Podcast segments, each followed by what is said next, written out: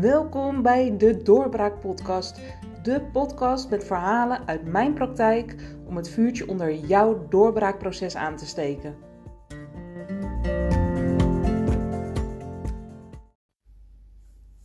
Vandaag wil ik uh, graag het verhaal van Maartje met je delen. Het verhaal dat er bijna niet was geweest, omdat ik nogal lang heb getwijfeld of ik überhaupt met Maartje wilde samenwerken. En dat klinkt onaardiger dan dat het is, um, want ik ben gewoon nogal kritisch op, uh, ja, op de vrouwen met wie ik samenwerk. En dat is echt niks persoonlijks. Ik zal je nooit afwijzen om, om je haarkleur of om de kleur van je ogen. Uh, ik moet er alleen wel echt in geloven dat ik je ook kan helpen. Wil ik met je samenwerken? En um, ja, dat heeft alles te maken met of mijn visie op afvallen matcht met jouw overtuigingen en met jouw doelstellingen. Um, ja, dus da daar heb ik ook altijd even een intakegesprek voor nodig om te kijken van, maar um, ja, hebben we daar in de neuzen dezelfde kant op staan? Het is namelijk zo uh, dat ik er echt heilig in geloof dat afvallen nooit een doel op zich kan zijn. Afvallen uh, moet eigenlijk altijd gezien worden als een gevolg van het structureel veranderen van je eetgedrag. Uh, met andere woorden, je past je eetgedrag niet aan aan je streefgewicht, maar je gewicht past zich aan aan de veranderingen die je doorvoert in je eetpatroon. En het is daarom ook om die reden dat de weegschaal bij mij in de, uh, in de praktijk uh, geen centrale rol vervult. Hij staat ook bewust uit het zicht en eerlijk gezegd wordt hij zelden gebruikt. Um, ik ben dan ook absoluut geen goede match met vrouwen die, uh, ja, die gewoon snel een paar kilo willen afvallen. Um, ja, en laat ik daar maar gewoon heel duidelijk over zijn. Uh, als je echt 110% overtuigd bent van het feit dat dat is wat je wil, ja, dan ga je waarschijnlijk uit deze podcast ook niet halen wat je er misschien hoopt te vinden. Um, ja, en kun je misschien beter net zo goed op de stopknop uh, drukken. Uh, in mijn praktijk gaat het namelijk veel meer over vragen als: uh, maar hoe zou je nou willen eten? En hoe ziet voor jou een ideaal eetpatroon er nou eigenlijk uit? Vanuit daar kunnen we vervolgens samen aan de slag met, uh, ja, met die knelpunten, die patronen die nu nog in de weg staan tussen jou en dat ideale eetpatroon. En je kan dan bijvoorbeeld denken aan, um, nou ja, steeds maar weer die, die vreetkicks in het weekend, die eigenlijk in jouw ideale eetpatroon niet meer thuis passen, omdat je er allereerst niet echt van kunt genieten. Um, ja, want als je eenmaal zo'n vreetkick hebt gehad, dan voel je je er achteraf vaak enorm schuldig over. Um, maar ook omdat ze gewoon haak staan op je wens om uh, gezonder te gaan eten en om minder te gaan snoepen. Nou, en wanneer je nou toewerkt naar een, uh, ja, gewoon een relaxte relatie met eten, waarbij je gewoon lekker rekening houdt met hoe jij wilt eten, in plaats van dat je steeds maar moet doen wat je denkt dat je zou moeten doen, of uh, steeds maar eet wat je denkt dat je zou moeten eten, omdat anderen daarvan alles van vinden. Um, als je daar nou eens mee stopt, dan ontstaat er vanzelf een natuurlijke balans die niet alleen past bij jouw wensen, maar ook bij jouw behoeften. En uh, ja, dat kan dan zomaar betekenen dat je als gevolg daarvan je gewicht als vanzelf gaat verliezen. En ik zeg steeds bewust woorden als dat kan of dat je eventueel uh, gewicht verliest. Uh, en dat doe ik heel bewust, want gewichtsverlies is in mijn praktijk dus ook geen garantie. Ik zeg altijd tegen mijn klanten: je krijgt vanzelf het gewicht dat past bij je eetpatroon. En ik kan dus vooraf heel lastig met mensen bepalen uh, hoeveel ze mogelijk zouden kunnen afvallen van de veranderingen die ze uh, op dat moment nog niet weten, die ze willen gaan doorvoeren. Ja, en um, nou ja, je zal je misschien kunnen voorstellen dat dit vaak wel een, een behoorlijke mindshift is voor de vrouwen waar ik mee, uh, mee kom te werken. Um, maar wel eentje die ze dus zullen moeten willen maken om uh, met mij samen te kunnen werken. En ook als ze uh, voornemens zijn om hun gewicht, uh, het gewicht dat ze eventueel kwijt zijn, om dat ook duurzaam te laten verdwijnen. want dat is nou juist het probleem van al die, die, die afvalpogingen die wel puur gewicht zijn, gericht zijn op, op gewicht. en waar ik dus nog langer aan, aan weiger om aan mee te werken. Um, je kunt prima namelijk afvallen met een bepaald dieet. Maar er is eigenlijk geen enkel dieet dat zo past bij jouw wensen en jouw behoeften. Dat je uh, zo'n dieet als eetpatroon ook echt langdurig vol zou willen houden. En dat heeft er alles mee te maken dat zo'n dieet is bedacht door mensen die jou niet kennen, die niks weten van jouw wensen en, en je voorkeuren en je behoeften. En het is dan bijna ook 100% gegarandeerd dat zo'n dieet niet matcht met wat voor jou belangrijk is. Ehm, en op het moment dat je daar klaar mee bent, omdat je uh, geen zin meer hebt om, uh, om constant die koolhydraten bijvoorbeeld te moeten te vermijden, ja, dan ga je uit gewenning vanzelf weer eten zoals je dat ook deed voor je dieet. En ja, dan is het ook niet heel erg uh, vreemd dat je ook weer zult aankomen. Uh, en om de mindshift die ik gemaakt heb en die ik dus wil maken, ook met de vrouwen in mijn praktijk, uh, om die nog wat meer te verduidelijken, uh, wil ik je heel graag een voorbeeld geven van hoe dat voor mijn eigen veranderproces ja, is, is geweest. Want ook bij mij was mijn gewicht absoluut leidend in mijn afvalpogingen die 25 jaar hebben geduurd. Um, en ja, die, het was gewoon zo dat de weegschaal, als het ware, voor mij bepaalde hoe ik me voelde. Op het moment dat ik te zwaar was, dan, dan was ik niet goed genoeg, dan voldeed ik niet, dan moest ik afvallen. Um, en als ik dan eenmaal op gewicht zou zijn, dan zou alles goed zijn. Dan zou alles vanzelf goed komen, zou ik me helemaal perfect voelen. Uh, dat was voor mij uh, ja, uh, waar ik naartoe wilde, waar ik naar streefde. Maar uh, zo goed als dat ik dacht dat het zou zijn, zo goed bleek het helemaal niet te zijn. Want ik had op de momenten dat ik dus was afgevallen, de grootst mogelijke moeite om dat gewicht ook vast te kunnen houden. En dat had er alles mee te maken dat ik helemaal niet bereid was om uh, de, de rest van mijn leven ook zo te eten als dat ik had gedaan om die kilo's überhaupt kwijt te raken. Dus ik was dan op zo'n moment wel happy met mijn gewicht, maar niet met de manier waarop ik moest eten.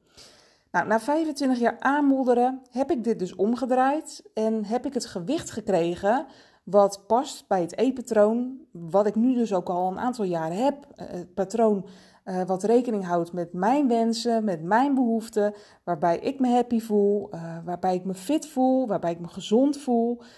En, en, dat is dus een E-patroon waar ik heel bewust voor heb gekozen vanuit een, een intrinsieke motivatie om um, ja, mijn lichaam te voorzien van in ieder geval de voldoende voedingsstoffen om fit en gezond te zijn. Maar waarin ook onderliggende waarden heel erg belangrijk uh, zijn gebleven, uh, of gebleken. Zoals de waarde om ook gewoon lekker te kunnen genieten van eten. Maar ook van bijvoorbeeld een spontaan etentje of een terrasje. Uh, en, ja, en dat betekent voor mij dat ik op zulke momenten geen zin had om aan een bord sla en een glas water te gaan zitten. Um, dus ja, het eetpatroon wat ik nu heb, daarin kan ik dus gewoon lekker kiezen voor wat ik wil, wat er op het menu staat, inclusief een lekker, uh, lekker glaasje wijn. En um, ja, daar hoort nou eenmaal een bepaald gewicht mee uh, bij. Um, en maar het mooie is, dat gewicht wat ik nu heb gekregen, daar ben ik wel tevreden mee. Ondanks dat dat misschien niet het gewicht is wat ik vroeger altijd nastreefde.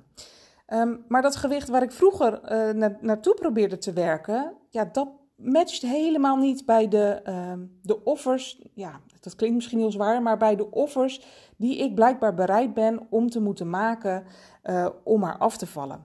Want ik weet nu heel goed wat ik anders zou moeten doen. Uh, en met name de rest van mijn leven, wat ik zou moeten laten vooral, als ik nog meer duurzame kilo's kwijt zou willen raken. Ja, en daar pas ik gewoon voor. Want um, ik weet ook dat zodra ik mijn e-patroon um, weer, weer zo ga beperken, dat het zou gaan voelen als iets wat, wat moet of als, als afzien. Dat ik dat gewoon niet ga volhouden. En dat ik dus prima misschien wat kilo's zou kunnen afvallen. Maar dat die kilo's uiteindelijk weer net zo hard terugkomen als ik weer ga eten op een manier die dus wel bij me past. Um, en dat geeft dus ook uh, geen duurzaam resultaat. Maar je kan ervan uitgaan dat, dat ik dan wel weer een frustratie rijker zou zijn. Nou, eh, daar heb ik dus ook helemaal geen zin meer in. En ja, en de noodzaak ontbreekt eerlijk gezegd ook. Want wat ik net al zei, ik voel me nu happy en tevreden. Um, en ja, eerlijk is eerlijk, zo happy als dat ik nu ben met dit gewicht, was ik helemaal niet tijdens mijn uh, dieetcarrière. En ook niet uh, op de momenten dat ik dus wel dat streefgewicht had bereikt.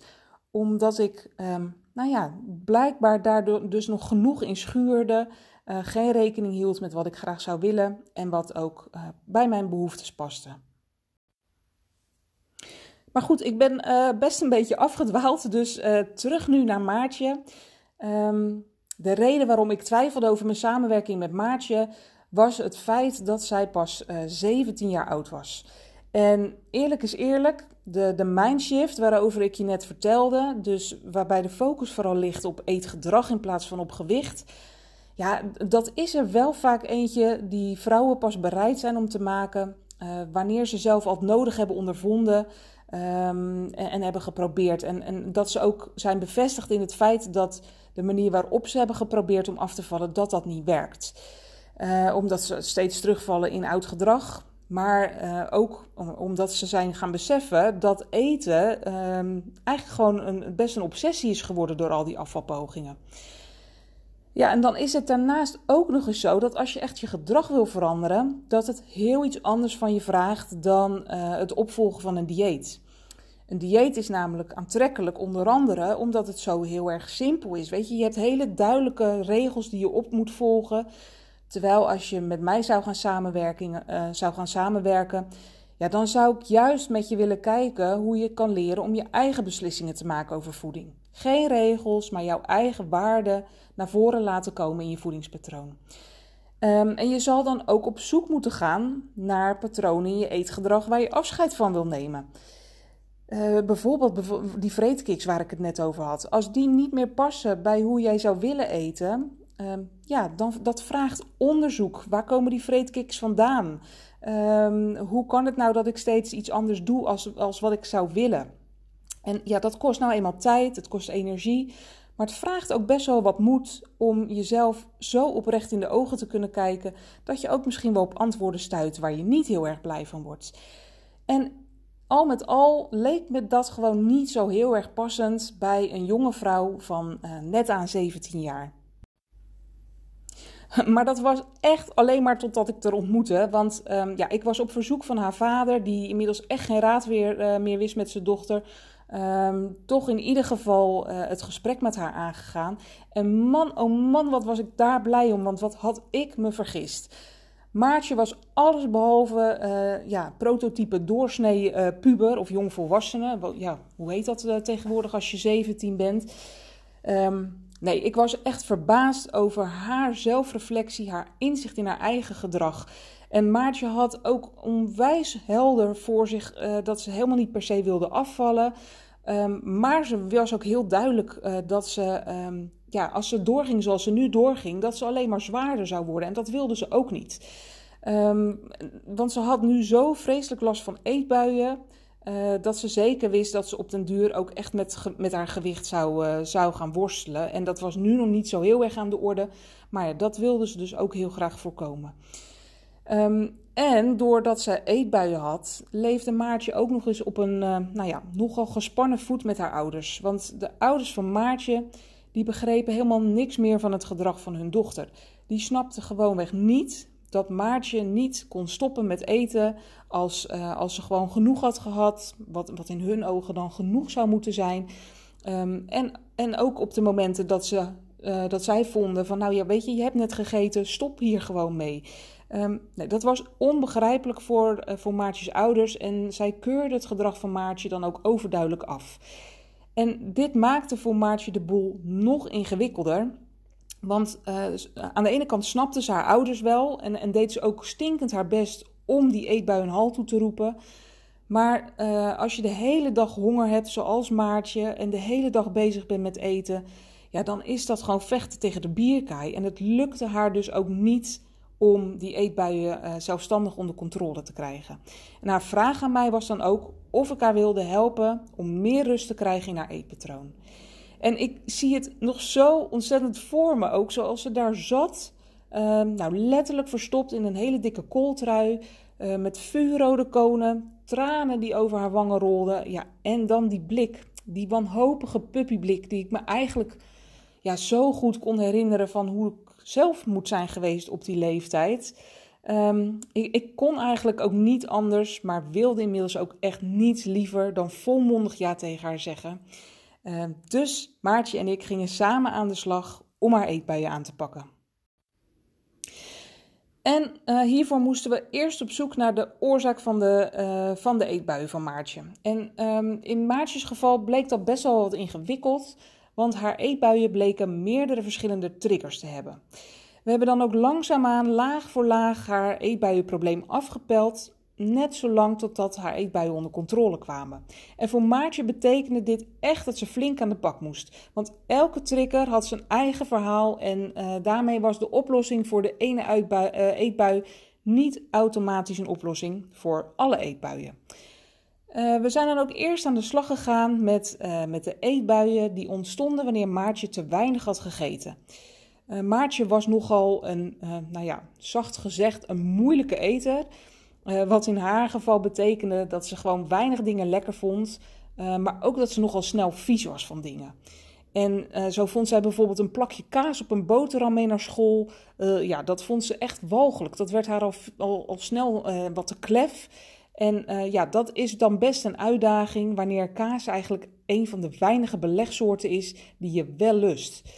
Um, Maartje en haar ouders, ja, die dreven elkaar dan ook eigenlijk tot pure wanhoop in alle pogingen om Maartje maar gezonder te laten eten. Maar het enige wat ze bereikt hadden zelf, was dat um, ja, Maartje gewoon conflict uit de weg ging. Uh, door haar brood na schooltijd uh, aan de eentjes te voeren. En um, ja, dat resulteerde uiteindelijk dus in vrijwel dagelijks een, een eetbui zo einde van de middag. Ik ben samen met Maartje gaan kijken naar de dingen die ze wel lekker vond. Um, in plaats van dat we heel erg onze focus hebben gelegd op van ja, maar wat zou je nou op je 17 allemaal binnen moeten krijgen? Wat is nou een gezond eetpatroon? Zijn we vooral gaan kijken van ja, maar wat lukt er nou? Wat vind je wel lekker? Um, maar daarnaast hebben we ook echt aandacht besteed aan een stukje planning. Want uh, met name de maaltijden op school waren voor Maartje echt een uitdaging. Op de dagen dat ze uh, vroeg thuis zou zijn uit school, hebben we er dan ook bewust voor gekozen om um, ja, meer uh, ons te richten op een voedzaam tussendoortje. Want dan kon ze namelijk prima de tijd overbruggen op school tot aan dat ze weer thuis was, zodat ze thuis gewoon op haar gemak kon lunchen. Um, met verse boterhammen, uh, want thuis lunchen was dan eigenlijk al niet zo'n probleem. En door op deze manier gewoon wat te schuiven in het ritme, kon Maartje eigenlijk op meerdere dagen al vrij eenvoudig uh, ja, meer en voedzamer gaan eten. Nou, voor de dagen dat ze wel op school zou lunchen, zijn we gewoon een lijst gaan maken met de producten die ze wel lekker vond. Um, en die daarnaast ook wel de nodige voedingsstoffen zouden geven. En um, nou, toen hebben we ervoor gekozen om bijvoorbeeld de doorsnee boterhammen te vervangen voor wat crackers, wat snoepgroentes, uh, wat fruit, gedroogd fruit en noten. En nou, op sommige momenten uh, kocht Maartje ook gewoon lekker een tosti op school.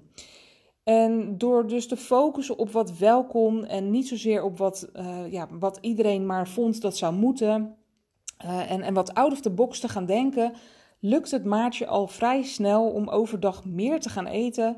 Waardoor haar eetbuien in de, die, die aan het einde van de middag al vrij snel afnamen. Maar Maartje bleek ook last te hebben van eetbuien. Die ontstonden op de momenten dat ze, uh, dat ze moe was.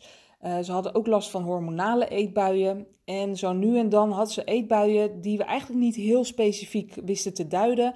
Maar die vooral leken uh, te ontstaan wanneer ze zich wat, wat, ja, wat onrustig voelde.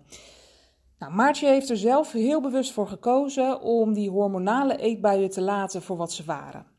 Want uh, ja, dat was immers maar een, een nou ja, redelijk uh, beperkte eetbui, zo hooguit één keer in de maand. En eigenlijk voelde deze eetbui voor haar ook wel als een, nou ja, een soort verwenmomentje. Iets wat ze zichzelf gewoon gunde. In plaats van dat ze ja, dit heel erg problematisch of als controleverlies ervaarde. Waar we wel mee aan de slag zijn gegaan, dat was met Maartjes slaapritme. En ook is zij op zoek gegaan naar manieren om haar af te leiden van de momenten dat ze zich onrustig voelde. Want Maartje had zichzelf aangeleerd dat zij zich prettiger ging voelen op, uh, op deze momenten als ze dus wat ging eten. Maar inmiddels uh, besefte ze zich dat haar eetbui uh, haar alleen maar afleidde van haar onrust. En als afleiding voldoende was om die onrust ja, soort uit te laten doven, kwam Maartje uh, uh, samen met mij in het traject tot de conclusie dat andere vormen van afleiding, uh, gezondere vormen van afleiding, waarschijnlijk hetzelfde resultaat zouden geven. En Maartje is inderdaad gaan experimenteren en kwam erachter dat het wandelen met de hond en het luisteren naar muziek eigenlijk hetzelfde effect gaven als, als het eten. Dus is Maartje zichzelf gaan aanleren en intrainen dat op de momenten dat zij uh, die onrust uh, waarnam en, en, ervaarde, dat ze dus niet uh, regelrecht de voorraadkast in ging duiken, maar dat ze lekker naar buiten zou gaan met de hond of dat ze haar favoriete playlist op ging zetten. Um, en ja, al met al zorgde dus zowel de interventie op het gebied van slapen als op het gebied van afleiding zoeken voor een nog verdere daling van het aantal eetbuien. Ja, en tot slot zijn we naast al deze praktische interventies ook aan de slag gegaan met Maartjes gedachten en overtuigingen over haar eetbuien. Want Maartje was namelijk gaan geloven dat, uh, ja, zoals ze dat zelf noemde, dat ze nogal abnormaal was. Uh, en daarin werd ze eigenlijk onbedoeld ook uh, bevestigd door de medegezinsleden in huis. Uh, Maartje was thuis namelijk de enige die uh, last had van eetbuien. En uh, de rest van het gezin kon zich niet inleven in dat grenzeloze snoepgedrag van Maartje. Um, maar de spanning die dit met zich meebracht, door juist het gevoel te hebben dat je anders bent of afwijkend bent van de rest, had voor Maartje een averechts effect op haar eetbuien. want je moet zo zien, Maartje die ging voornamelijk eten om zich wat prettiger te voelen. Maar uh, dat prettige gevoel van het eten werd uh, direct door de spanningen die haar eetbuien dan, uh, dan thuis opleverden ook weer teniet gedaan. En doordat dat gevoel van, um, nou ja, dat gevoel waar ze zo naar op zoek was, dat prettige gevoel, eigenlijk geen kans kreeg om te ontstaan, werd de behoefte om te eten juist alleen maar groter, omdat zij onbewust had geleerd dat eten haar wel dat prettige gevoel zou geven. Dus de interne strijd van Maartje werd alleen maar groter en uh, uiteindelijk werden haar eetbuien uh, door die spanningen dus alleen maar heviger. Maar toen Maartje en ook haar ouders eenmaal doorkregen dat er een verklaring was voor haar eetbuien, dat ze echt verre van abnormaal was, dat ze slechts wat ander gedrag liet zien dan dat ze thuis gewend waren, lukt het haar steeds beter om relaxed te blijven op die momenten dat ze toch een eetbui kreeg. Want uh, ja, in zo'n proces van, uh, van afpellen van eetbuien um, en van oefenen met gedrag kun je gewoon niet verwachten dat je uh, plotklaps van alle eetbuien af bent. En is het ook geen realistisch doel om te verwachten dat je nooit meer zo'n eetbui zal krijgen. Maar door juist daar veel relaxter mee om te gaan, had ook dat een, ja, een soort helend effect op, uh, op het aantal eetbuien en op de heftigheid van de eetbuien van Maartje. Nou, en precies die relaxte houding, uh, samen met de praktische interventies, heeft er dus uiteindelijk toe geleid dat Maartjes eetbuien steeds verder zijn afgenomen tot een punt dat ze op dit moment nog nauwelijks eetbuien heeft. Um, Maartje gaat inmiddels relaxed om met eten en haar gewicht is ook gestabiliseerd. En zoals ik nooit zal vergeten hoe ze voor de eerste keer tegenover me zat, zal ik ook echt onze laatste afspraak nooit meer vergeten. Want van dat onzekere, verdrietige meisje was helemaal niks meer over. Voor mij zat een stralende jonge vrouw in een strakke broek uh, met een strak shirt. En uh, niet alleen toonde ze gewoon ook zeker 6 kilo slanker. Uh, ze was ook minstens 10 centimeter gegroeid in mijn beleving. Um, uh, Maartje was niet afgevallen, maar ze kreeg wel heel veel complimentjes van mensen die dat wel dachten. En ik dacht het eigenlijk ook toen ik haar zag. En dat kwam er alles, uh, of dat had alles te maken met het feit dat haar vertrouwen in zichzelf zo was gegroeid. Ja, dat ze dat aan alle kanten uitstraalde. Waardoor ze ook echt, uh, nou, zich letterlijk slanker ging gedragen. Ja, en zo blijkt maar weer dat lekker in je vel zitten niet één op één te maken heeft met je gewicht, maar alles met de vrijheid die je vaart in de eetkeuzes die je maakt.